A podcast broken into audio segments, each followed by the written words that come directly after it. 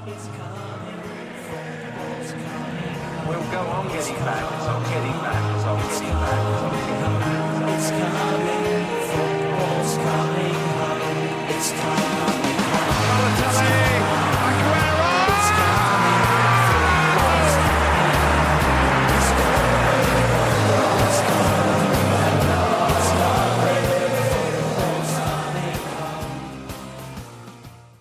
Ja, mensen, er zijn we weer. Na een paar weken iets langere afwezigheid hebben we meer om te bespreken in deze aflevering van Podcast Road. Namelijk Ralf en veel andere zaken. Maar dat doe ik niet alleen. Je ziet namelijk met Fabian. Ja, goedenavond allemaal. Wij eh, nemen deze aflevering even op afstand op. En dat komt omdat wij dan eh, wat technische problemen hadden met de microfoons eh, bij de vorige opnames. Dus we dachten, we gaan het even op afstand doen. Zoals we wel eens vaker hebben gedaan in eh, voorbijgaande afleveringen. Dus even kijken wat, het, eh, wat, ja, wat het uitkomst is daarvan. En eh, wat er allemaal te bespreken valt. Ik wil het eigenlijk aftrappen met natuurlijk de Formule 1 eh, overwinning van Max Verstappen. We zijn allemaal ontzettend trots dat, ja, dat hij dat dan voor Nederland heeft gedaan. En het was een bloedstollende race. Uh, dus ik wil even een ode aan hem geven dat hij het heel knap heeft gedaan. En dat, uh, ja, en, uh, dat het gewoon een super mooie uh, en vooral ja, innoverende dag was. Ik weet niet hoe jij dat hebt uh, beleefd, Laurens. Ja, ik ben uh, fan van Lewis Hamilton. Dus ja, voor mij was het een wat mindere dag. Maar om het eerlijk te zeggen, this race should have been won by Hamilton, but the championship bij Max. Dus in the end heeft hij wel gewonnen. Dus ik gun het hem wel. Ja, mooi gezegd. En vooral ook omdat dat van een, een uh, rivaal komt, of een rivaal-fan. Dus uh, ja, ik, vind het, ik vond het heel mooi voor, ja, voor Nederlands belang dat dit eindelijk is gebeurd. Maar ook wel leuk voor de ja, neutrale sporter dat het dan ja, eigenlijk gewoon gelijk opging tot de laatste dag. En dat zien we in de, in de voetbal ook wel vaker gebeuren. Dus laten we meteen dan overgaan naar de eerste, ja, ik denk wel belangrijkste bespreekpunt van, van het rijboek. En dat is dat Ralf Rangnick is gearriveerd. En dat hij dan het, uh, ja, de koers uh, weer recht moet trekken ten opzichte van wat zijn voorganger Solskjaer deed. Dus um, ja, hij heeft nu uh, twee wedstrijden. En de Premier League heeft, is hij aan het roer geweest. En ja, wat vind je eigenlijk van hem tot nu toe? Een verademing, zeker op tactisch niveau. het staat nog steeds niet heel erg als een huis bij Manchester. Dat hebben we gisteren gezien tegen Norwich. Hmm. Maar je ziet al wel dat het wat meer gedachte achter zit. Zeker het 4-2-2-2 systeem wat Ranjik hanteert. Ja, ik, uh, ik vind het qua systeem vind ik het interessant. Dat is ook hetzelfde systeem als wat Arsenal speelt. Alleen uh, in het geval van United spelen de twee spitsen naast elkaar in plaats van eentje uh, creatieve middenvelder daarachter. Dus het is dan net iets anders voorin. Maar op zich zie je wel dat het ook vooral in de ja, brede posities, dat de backs veel meer gebruikt worden. En dat het ja, op het middenveld, dat de McTominay en, en Fred, die zetten veel meer druk. Um, ja, wat ik er zelf tot nu toe van vind, is dat bepaalde spelers beter zijn gaan presteren. Dus de backs, sinds dat uh, weg is. En ook uh, Fred en McTominay. Maar ik vind wel dat Bruno Fernandes, dat hij, uh, behalve ja, op zijn doelpunt tegen Arsenal na, vind ik hem eigenlijk wel ja, een, een soort van het dupe daarvan. Want dit is dan niet echt een systeem dat heel perfect bij hem past. En je, je merkt wel dat hij niet zo lekker in zijn vel zit. De enige die goed presteert in het systeem is Fred. Ja, nou, ik, ik vind McTominay vind ik ook wel goed presteren. En uh, zoals ik al eerder zei, de backs, uh, Dallo en Telles. alhoewel Dallo, die, die, had twee wedstrijden gemist, als ik me niet vergis.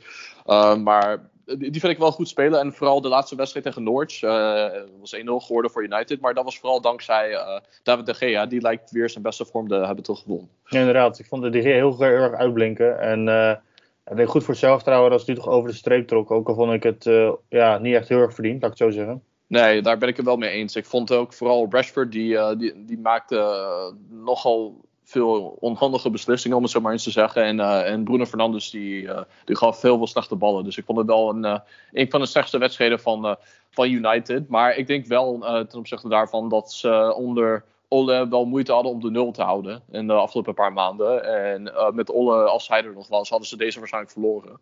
Maar maar de GA die heeft er wel voor gezorgd. En ook de zeg maar, tactiek van Rangnick dat ze alsnog wel de nul hielden.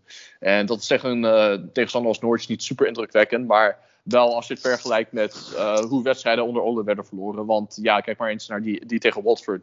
Dat was ook een soortgelijke situ situatie. Alleen was de GA niet op zijn scherpst die dag. En ja, dan, dat is de uitkomst daarvan. Dus ze hebben nu betere De Gea en ook betere tactiek. waardoor ze dan nu to toch wel een drie punten bij naar huis kunnen nemen.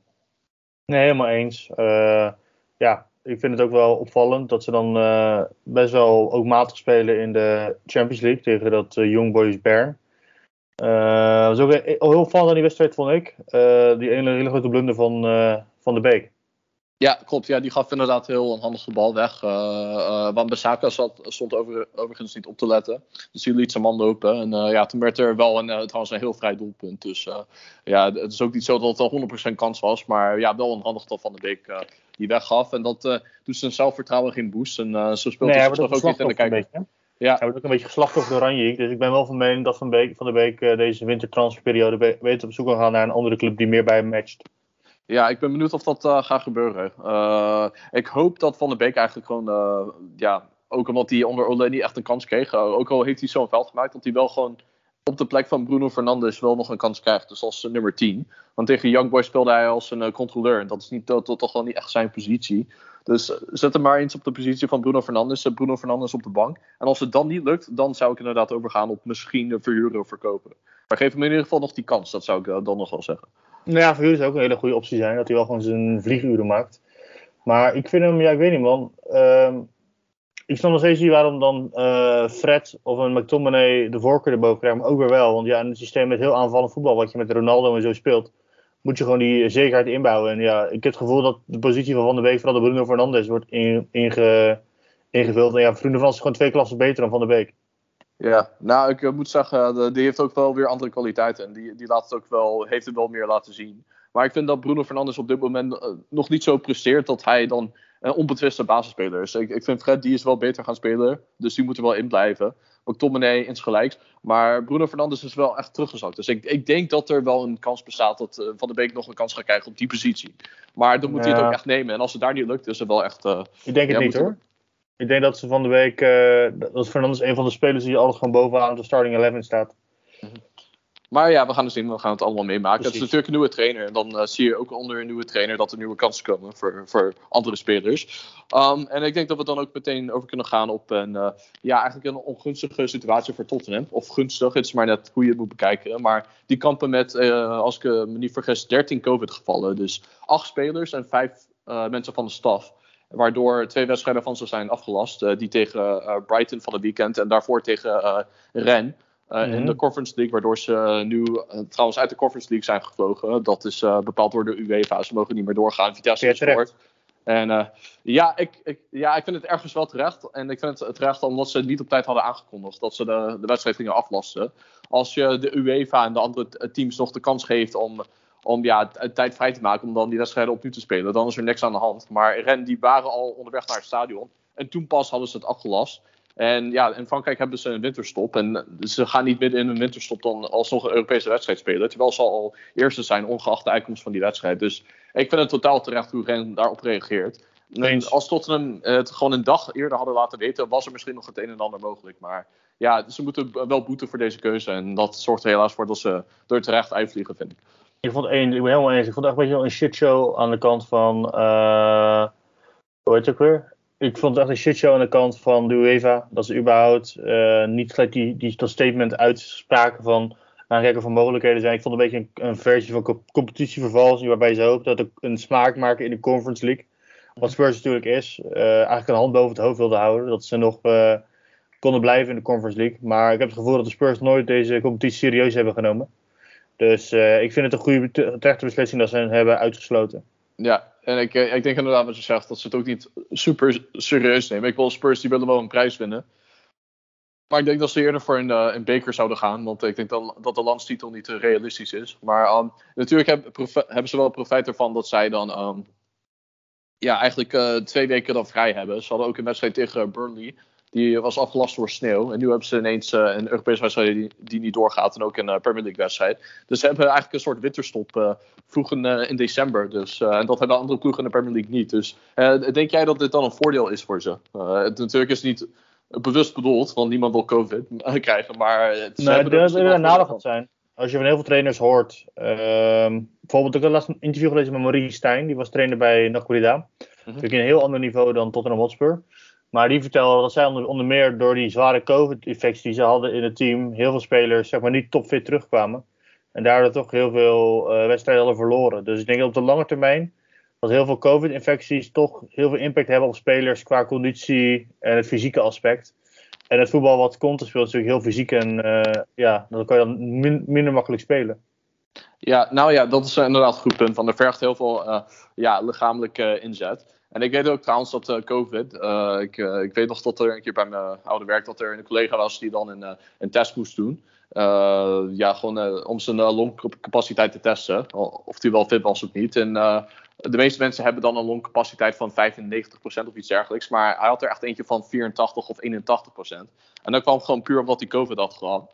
Nog nee, ik heb ook COVID gehad. Geleden. Nou, ik ja, heb ook COVID gehad. En ik weet nog wel dat ik toen in, in het einde van mijn COVID-periode gewoon ging wandelen. 45, uh, 45 minuutjes en gewoon helemaal bezweet en buiten adem thuis kwam. Dus het heeft zeker impact op je. Ja, nou, en als je een percentage uitdrukt, ja, 13, 14 procent uh, verlies, ja, dat heeft wel impact. Vooral voor een topsporter die dan uh, 11 kilometer per, per wedstrijd moet rennen of iets dergelijks. Dat, dat, dus daar heb je wel een goed punt. En het spel van Conte moet spelen.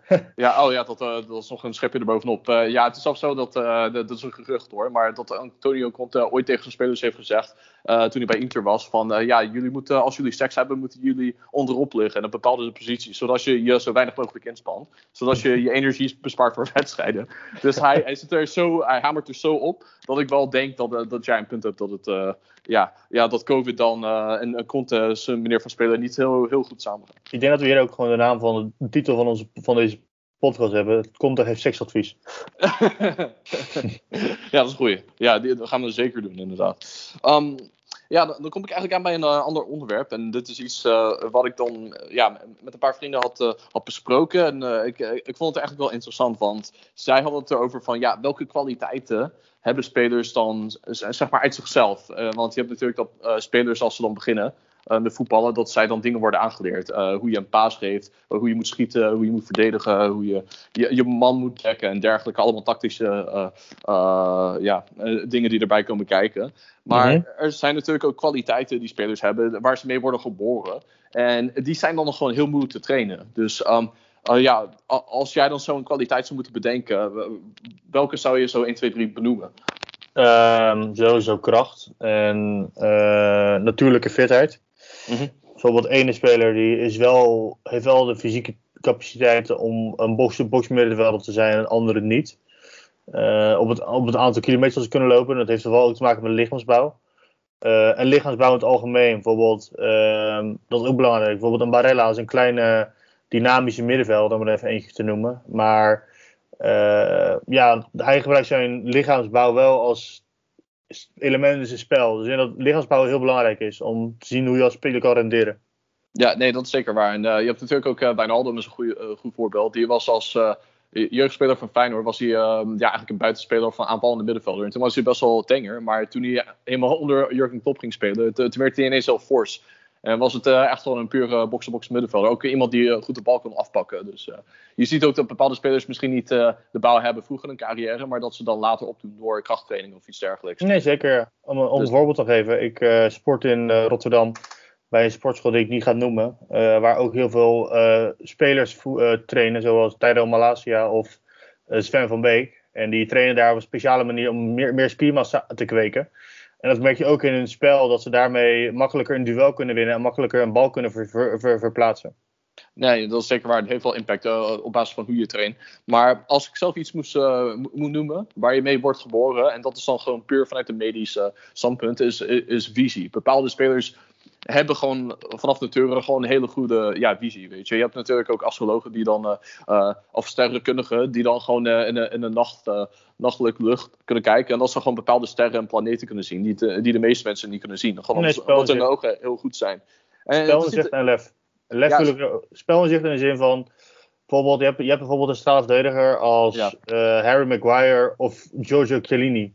Mm Om even twee te noemen. Het grootste verschil naar mijn mening in die twee zit vooral het uh, positioneren en dan het inzicht hebben van waar, waar, de bal komt en hoe je de bal best kan afpakken van, van, van een tegenstander. Ja, ja, daar ben ik het met je eens. En dat is natuurlijk ook een deel ervaring. Maar om, ja, ervaring, maar ook inzicht ja. Ik denk dat je ik denk dat inzicht van dat je gewoon goed makkelijk kan inschatten waar een bal komt. Dat is wel iets wat, wat, wat aangeboren is. Uh, als er dan meer uh, creativiteit en flair. Dus dat je meer lef hebt om een actie te maken of dat je eerder een bal afspeelt. Ja, precies. En ja, laatste wat ik nog over visie wil zeggen is dat uh, er zijn wel bepaalde dingen die je dan kan trainen. Als, je, als iemand dan ja, goed oogzicht heeft, om het zo te zeggen. En dat is gewoon ja, je kopje omhoog doen, kijken naar waar je naartoe kan pasen. Maar niet iedereen kan die paas zien. En dat is gewoon iets dat ik denk waar je mee wordt geboren. Van je moet het gewoon, je, moet, je ogen moeten naarmate het zo goed zijn dat je gewoon da dat daadwerkelijk zo kunt zien. Die, inzicht fysiek kunt hebben. En dan moet je ook ja, de kennis uh, gewoon in je hersenen hebben om dan te kunnen anticiperen op wat je dan moet creëren. Dus ik denk inderdaad creativiteit, als het daarmee samenhangt. Dat je het op die manier uh, echt goed tot, tot zijn, ja, tot zijn eigen kunt brengen. En, die ik het laatst ook nog wel noemen, denk ik ook heel belangrijk is om een goede voetballer te zijn. Die ook een beetje deels aangeboren, deels je milieu is, is mentaliteit. Ja, Inderdaad. En ja, ik denk inderdaad ook dat het ook uh, opgebouwd kan worden. Maar iemand als Ronaldo, die, heeft, die is daar echt een perfecte voorbeeld van. Die wou gewoon nooit verliezen. En die had dat natuurlijk, uh, is er een bekende verhaal, dat hij dan ging tafeltennissen tegen Rio Ferdinand toen hij net bij United zat. En, uh, en ja, hij verloor dan die eerste twee of drie potjes uh, van uh, Ferdinand. Hij werd toen hartstikke boos. Dus hij gooide met zijn bedje. En toen ging hij diezelfde avond, had hij gewoon een tafeltennistafel laten bestellen naar zijn huis. Toen ging hij alleen maar oefenen, oefenen, oefenen. En na twee, drie weken ging hij weer tegen Ferdinand spelen. En toen had hij hem gewoon genadeloos ingemaakt gewoon een paar keer achter elkaar. En dat is gewoon zo, zo gedreven als hij was. Hij wou gewoon, het maakt niet uit wat, wat hij deed. Hij was, ja, was Ferdinand? Was Ferdinand of Evra? Evra. Ja, hij ook, nee, nee, maar het verhaal komt van uh, Ferdinand. Dat hij ah. dat, uh, bij hem deed. Dus uh, hij, hij, hij, zal waarschijnlijk ook tegen Evra hebben gespeeld. Maar het is wel echt gewoon mooi. Dat, dat hij dat op een jonge leeftijd al had. En natuurlijk heeft hij dat opgebouwd. Door gewoon de hele tijd weer trainen, trainen, trainen. En daarom heeft hij behaald in zijn carrière wat hij heeft behaald. Maar het is uh, deel, deels nature, deels nurture. Nee eens. Ja, weet je, heel voetballers die gewoon uh, min, die, die op hun, op, hun tech, op, hun, op hun talent, maar dan in die end niet halen omdat ze niet de mentaliteit hebben om ja, beter te worden. Ik vind dat bij Neymar wel zo. Dat, die heeft al natuurlijk veel behaald, gehaald in zijn carrière. Maar ik vind wel dat hij, als hij wat serieuzer was geweest, dat hij wel echt meer had kunnen bereiken.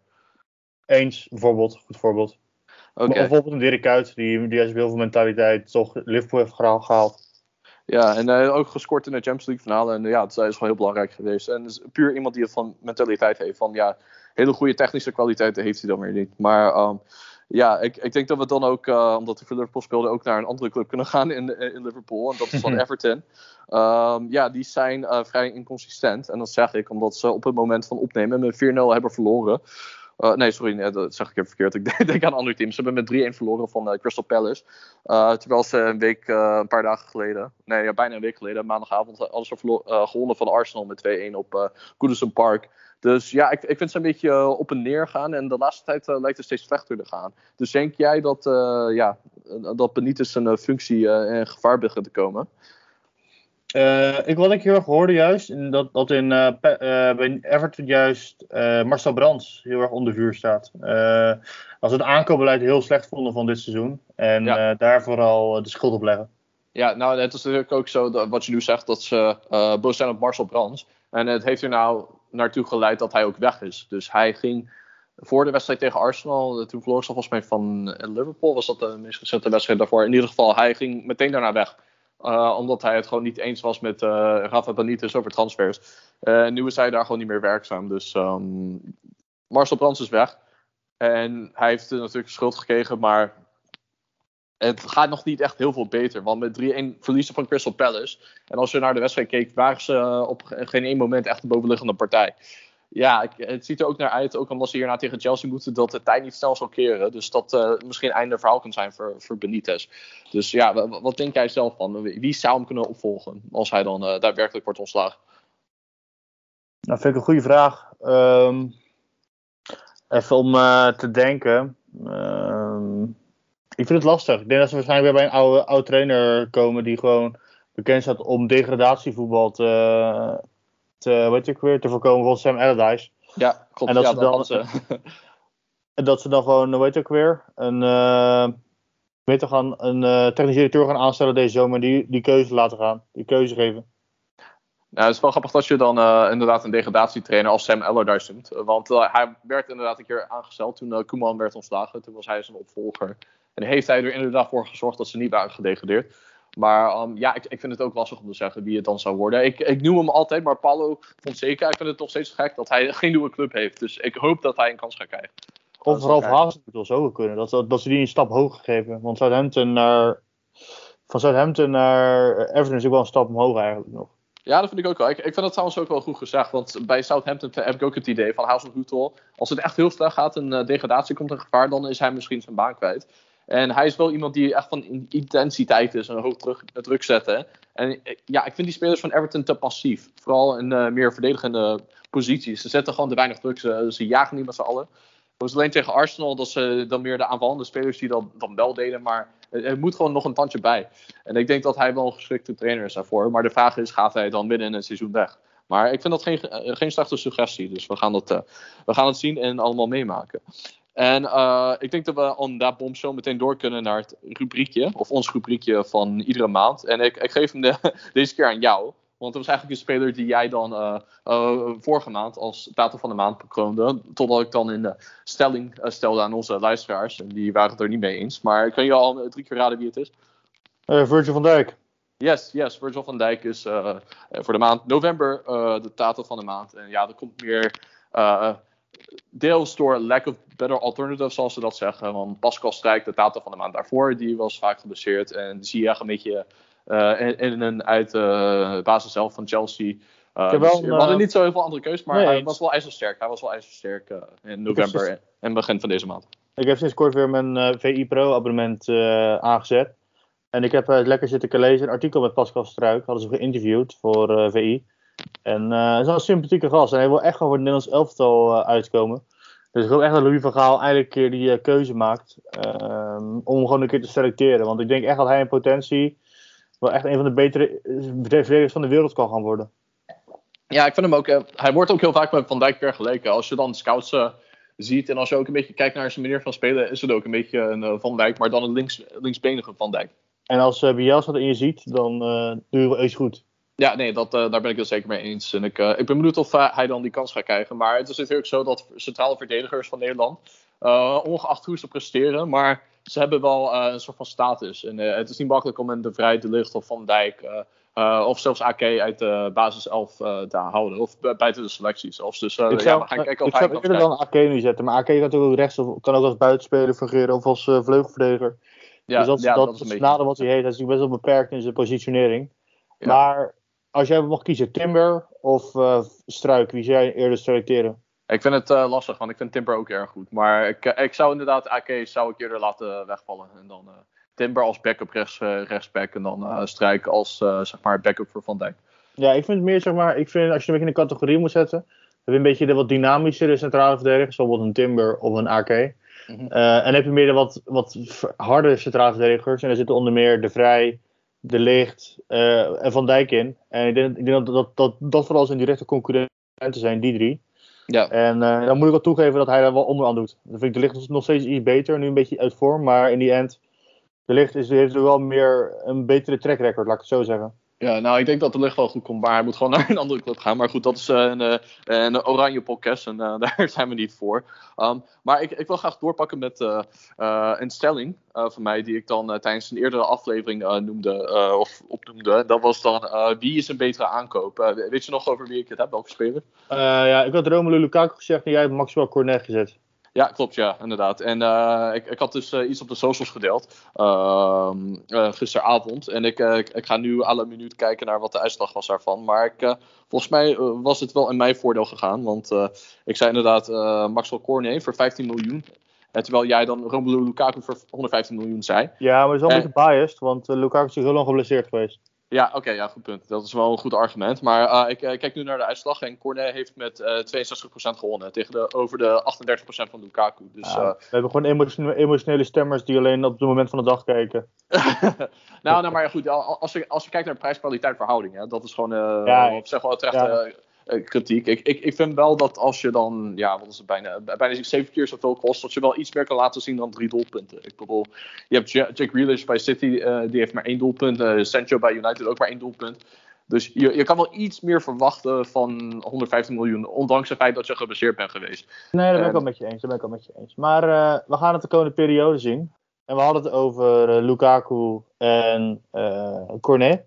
En wat ik eraan wilde toevoegen was dat we nu ook willen gaan praten over de, ja, de top drie die er nu is. Dus City, Liverpool en Chelsea. En wat ik erover wilde zeggen is, wie me heel erg opvalt in positieve zin, echt enorm in positieve zin, is Rudiger. Ja, uh, ja, hij speelt natuurlijk de laatste tijd heel goed. En uh, hij gaat er ook helemaal aan op met betrekking tot hoe hij speelt. Want in de meest recente wedstrijd tegen Leeds United, uh, die met 3-2 werd gewonnen na een strafschop in de laatste minuut, uh, ging hij echt helemaal uh, uit zijn dak. En dan ging hij dan de Leeds supporters dan uitjoelen. En toen kwam er ook gewoon een vechtpartij daarna. Maar zo'n type Rudiger, die heb ik dan en, met zoveel passie en enthousiasme, die kennen we wel. Maar dit seizoen of dit jaar, want ook vorig seizoen, is het gewoon nog een tandje bijgeschakeld. En je ziet ook gewoon dat hij echt geniet uh, ervan dat hij gewoon uh, opklimt naar topverdediger zijn. Dus ik vind het leuk om die ontwikkeling te zien. Nou, ik vind het grappig. Ik weet nog wel dat uh, we natuurlijk die periode hadden onder Lampert. En we waren van ja, Rudiger gaat sowieso weg deze periode. Want hij was een beetje afgeschreven onder Lampert. Maar onder Tuchel laat hij gewoon echt zien een topverdediger te zijn, wat je inderdaad zegt. En Tuchel heeft een beetje een spel bedacht. waar, heel, waar heel breed voetbal wordt gehouden en heel veel ruimte in, in de as komt, heel vaak.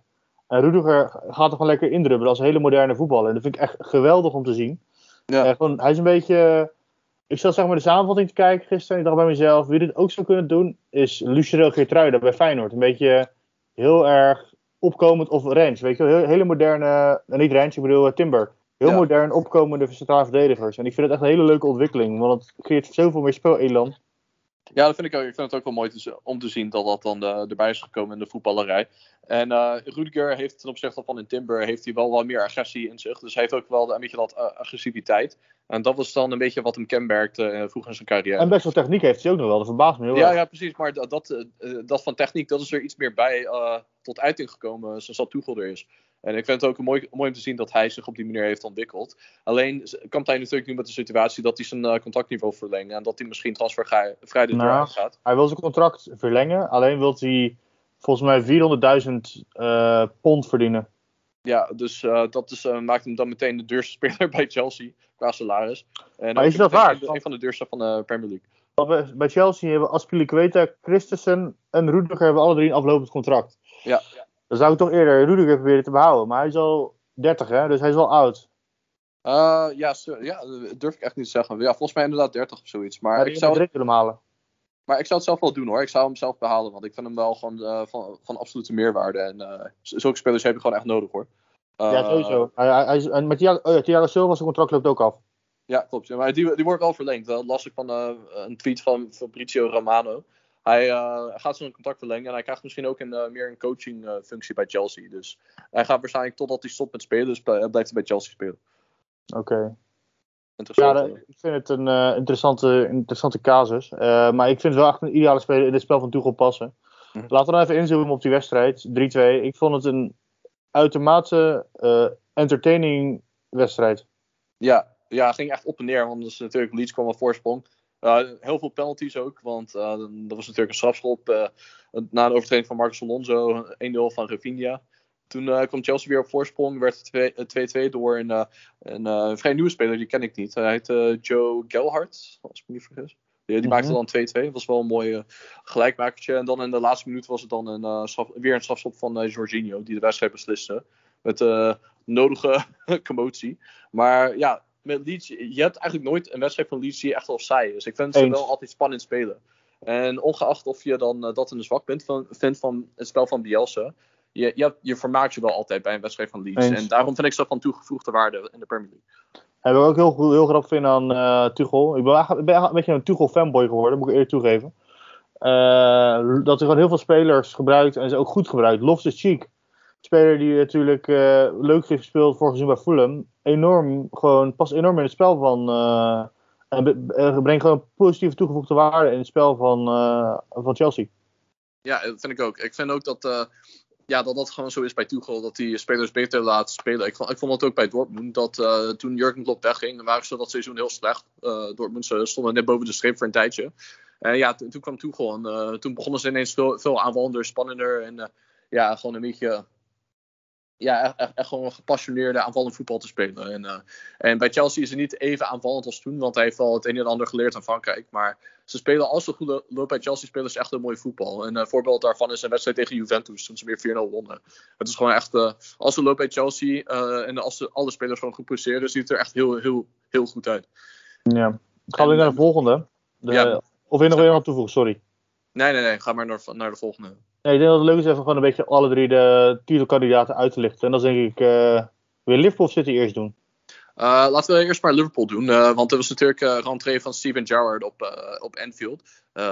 hij heeft in, van minuut 0 tot minuut 90 heeft hij maar één keer de supporters die hem toezongen, heeft hij maar één keer ja, een, soort van handje zo gedaan, geklapt voor ze. Maar voor de rest heeft hij ze alleen maar genegeerd en was hij puur gefocust op de wedstrijd. Ja, logisch. Maar ik vond het wel, moet ik zeggen, en eigenlijk, eigenlijk kunnen we ook City gewoon gelijk erbij nemen. Ik vond, ik vond allebei de wedstrijden heel veel op elkaar lijken. Uh, Villa en Wolves speelden heel verdedigend en City en Liverpool heel aanvallend. En het uh, lukte maar niet, het lukte maar niet. En dan ergens in de tweede helft een beetje een discutabele strafschop besliste de wedstrijd. Ja, eens. Ik vond het opvallende bij de wedstrijd van Aston Villa. een paar namen die uit, uitblonken bij mij. Ashley Konza speelt heel sterk onder, onder Gerrard. Ashley Konza, die centraal verdediger. Konza. Oh, ja, ja. Konza, Konza, ja. Ja, Konza speelt heel, centraal, heel sterk onder Gerrard. En uh, ja, naar mijn mening, Liverpool gewoon echt een uh, masterclass in dat, uh, dat druk zetten. En er was gewoon niet, niet onderuit te voetballen. Dus voor mij was er ook een uh, expected goal van 2,9. Ehm, dus ja, Aston Villa had geluk gehad dat ze niet echt gewoept zijn. Ehm, en ook bij Wolves, die Killman, die centraal verdedigers, viel me heel erg positief op. Ja. Het jammer dat hij de wedstrijd had verloren, want hij had ook bijna de 1-1 had hij bijna binnengekocht. Maar hij had echt heel veel line-saving clearances en dergelijke. Ja, precies. Dus ik, hij, hij, hij verbaast me ook heel erg. Uh, en ja, natuurlijk de domme actie van onze vriend Jiménez. Ja, ja ik, ik weet niet, vond je het, vond je het een rode kaart? Ik vond het wel zeg maar dom dat hij dat deed toen hij net geel had gekregen. Maar ik vond die eerste overtreding vond ik niet geel waard, zeg maar. Ik vond het dan wel, ik vond het wel een beetje zwaar bestraft. Maar desondanks vond ik Wolves een beetje Terwijl ze meestal goed spelen. Ik vond Wolves wel verdedigend goed, maar ik vond ze een beetje, ja, dat aanvallen, dat, het leek meer een, een beetje op dat Nuno-voetbal. een, een beetje uh, verdedigen. Ja. ja. ik vond Wolves überhaupt niet heel erg uh, sterk spelen dit seizoen. Hm. Dus uh, Traoré is een beetje uitgeblust. En ja, ik weet niet man, ik vind Wolves echt heel erg tegenvallen de afgelopen seizoen. Ik vind wel dat uh, Wolves, die Guang die ze hebben gehaald, die, die valt in positieve zin op. Die speelt wel best wel goed. Maar ik vind dat uh, Trincao niet echt indruk maakt uh, huurling van Barcelona. En ik vind Jiménez was wel beter voor zijn blessure dan dat hij nu is. Ja, zeker. Helemaal Maar ik, ik, ik, moet wel zeggen van Wolves, eh, wie ik een uh, beste aanvallende speler vind, is eigenlijk Pedro Neto. En die ligt, ja, ligt er al bijna een jaar uit met een kruisbandblessure. Maar ja, als hij terugkomt en als hij zijn oude vorm kan herpakken, dan ben ik wel benieuwd hoe ze gaan doen. Want dat vind ik wel een ja, talentvolle speler. Een goede opvolger van Jota. Die natuurlijk naar Liverpool is gegaan, anderhalf jaar geleden. Maar dat, ja, dat zou er misschien wel voor kunnen zorgen dat Wolves dan ineens weer spannend worden en meedoen om de, ja, wellicht de Conference League plek. Eens. Oké, okay, uh, wil je nog iets toevoegen aan City, het spel zeg ja. maar zelf? Nou ja, ik, uh, wat ik eigenlijk nog wel een vraag die ik wil stellen is, um, ja, wie vind je eigenlijk van de City, Chelsea en Liverpool de favoriet? En wie vind je dan minst, minst favoriet van uit die drie? Ik vind, het, ik vind het lastig hoor. Dit seizoen is ja, het juist heel leuk dat het zo is. Maar ik vind het lastig om, uh, om een favoriet te bepalen. Ik dacht maar eerst had ik uh, Chelsea gezegd. Maar uh, nu ik een beetje de wedstrijden echt beter kijk, Liverpool. Ik vind ze zo consistent spelen. En ze hebben een Salah die echt op, on fire is. Mm -hmm. En ja, gewoon een bank die ook heel sterk is. Weinig blessures. En gewoon de, het elftal is completer, weet je wel. Dan, uh, waar ze vorig, vorig heel veel te kamp hadden met blessures. En daar gelijk spelers niet meer konden spelen. Hebben ze nu gewoon heel veel tactische aankopen gedaan. Die ook gewoon in het elftal passen. Dus ik zeg Liverpool. Ik vind het uh, lastig te zeggen. Uh, wie zeg je trouwens uit die drie minst, minst favoriet? Dus wie gaat derde worden? Mm, dat vind ik een hele lastige. Ik, als ik dan moet kiezen, denk ik toch wel Chelsea. Dat ze toch op een gegeven moment uh, in gaan storten. En ja, ik weet niet. Als Lukaku niet gaat lopen, wat ik wel hoopte, maar nog wel gaat doen. Want ik wil gewoon die bet tegen jou winnen. maar als dat niet gaat gebeuren, dan denk ik dat ze toch wel echt het scorend vermogen missen. Want ze winnen nu wel, maar steeds maar net, weet je wel. Ja, ja dat, uh, en ze hebben dan net uh, geluk. En ik, uh, ze hadden, heel lang hadden ze een clean sheet record dat ze steeds geen tegendoelpunten te krijgen. Maar dat begint nu minder goed te lopen. Want dat moest gewoon een keertje. Maar ja, wat ze zegt, ik, ik vind dat ook van Chelsea een, gevaar. En wat ook moeilijk te bepalen is zijn blessures. Want ik denk dat deze titel, wie deze titel gaat winnen, is de ploeg die dan de minste blessures heeft. En de breedste selectie. En als je dan naar ja, brede selecties kijkt, kom je toch wel uit bij City. Maar wat natuurlijk altijd kan is, we zijn bijna in januari gekomen en dan kunnen er nieuwe aankopen worden gedaan. Dus ik vind het lastig om de, dat te bepalen nu. Ik denk dat ik tot februari ga wachten, totdat ik dan een absolute favoriet kies voor de titel. Want dan heb je nieuwe aankopen, blessures. Dan weet je ook een beetje hoe of wat. Hoe ver ze komen in de Champions League en dergelijke. Maar Eens, ik denk, eens, heel belangrijk. maar ik denk op het moment van spreken inderdaad dat Liverpool. Ik, ik, ik zei de vorige keer Chelsea. Ik denk Liverpool inderdaad favoriet. Chelsea 2, City 3. En ik denk dat City 3. Dat dat puur komt omdat ze dit seizoen echt puur voor de, vol voor de Champions League gaan. En dat, dat ze, ze ook bereid zijn om competitiewedstrijden dan eh, eh, ja, weg te laten schieten. Want ze weten toch al dat ze top 4 halen. Ze willen gewoon puur voor de Champions League gaan. En dan heeft Guardiola zijn glorie. Dus ik, ik, ik denk dat zij derde worden. Ik ben ook benieuwd of ehm, ook spelers weggaan. Ik heb zo'n wel als een Sterling weggaat. Ja, zou kunnen. Ferran Torres heb ik ook wel een verhaal over gehoord. Maar eh, dat kan Barcelona niet betalen. Nee, dat is wel een probleem. Maar ja, misschien komt er een constructie dat ze dan. eh, Over 100 dat jaar mogen betalen. En dat City in Delft zijn salaris betaalt of iets dergelijks. Maar we gaan het zien. Ik ben benieuwd. Ja, het zou me niet verbazen. Ik zie bij City eerder meer spelers weggaan. eh, dan bij bijvoorbeeld een Chelsea of een Liverpool. Ja, Ik heb het gevoel dat, dat, dat Guardiola meer aan een vaste elf of een, aan een redelijk se- selecte groep spelers vasthoudt dit seizoen en minder snel rouleert. Daardoor wat meer oneenigheid zou kunnen ontstaan. Bijvoorbeeld bij Chelsea, Liverpool bijvoorbeeld een Origi die nooit speelt, maar als hij speelt beslissend is, maar die hoor je nooit klagen. nee, dat klopt. Ja, ja, dat heb je wel bij City eh, inderdaad een beetje. En bij City heb je ook geen spits op dit moment. Maar wat ik. en je, je had natuurlijk wel spelers die dan eh, weg lijken te gaan, zoals Bernardo Silva van de zomer. Maar die is dan nu eigenlijk een beste speler dit seizoen. Dus zo kan het ook maar weer gaan lopen. En Gundogan vind ik wel City- minder dan vorig seizoen. Ja, inderdaad, ja.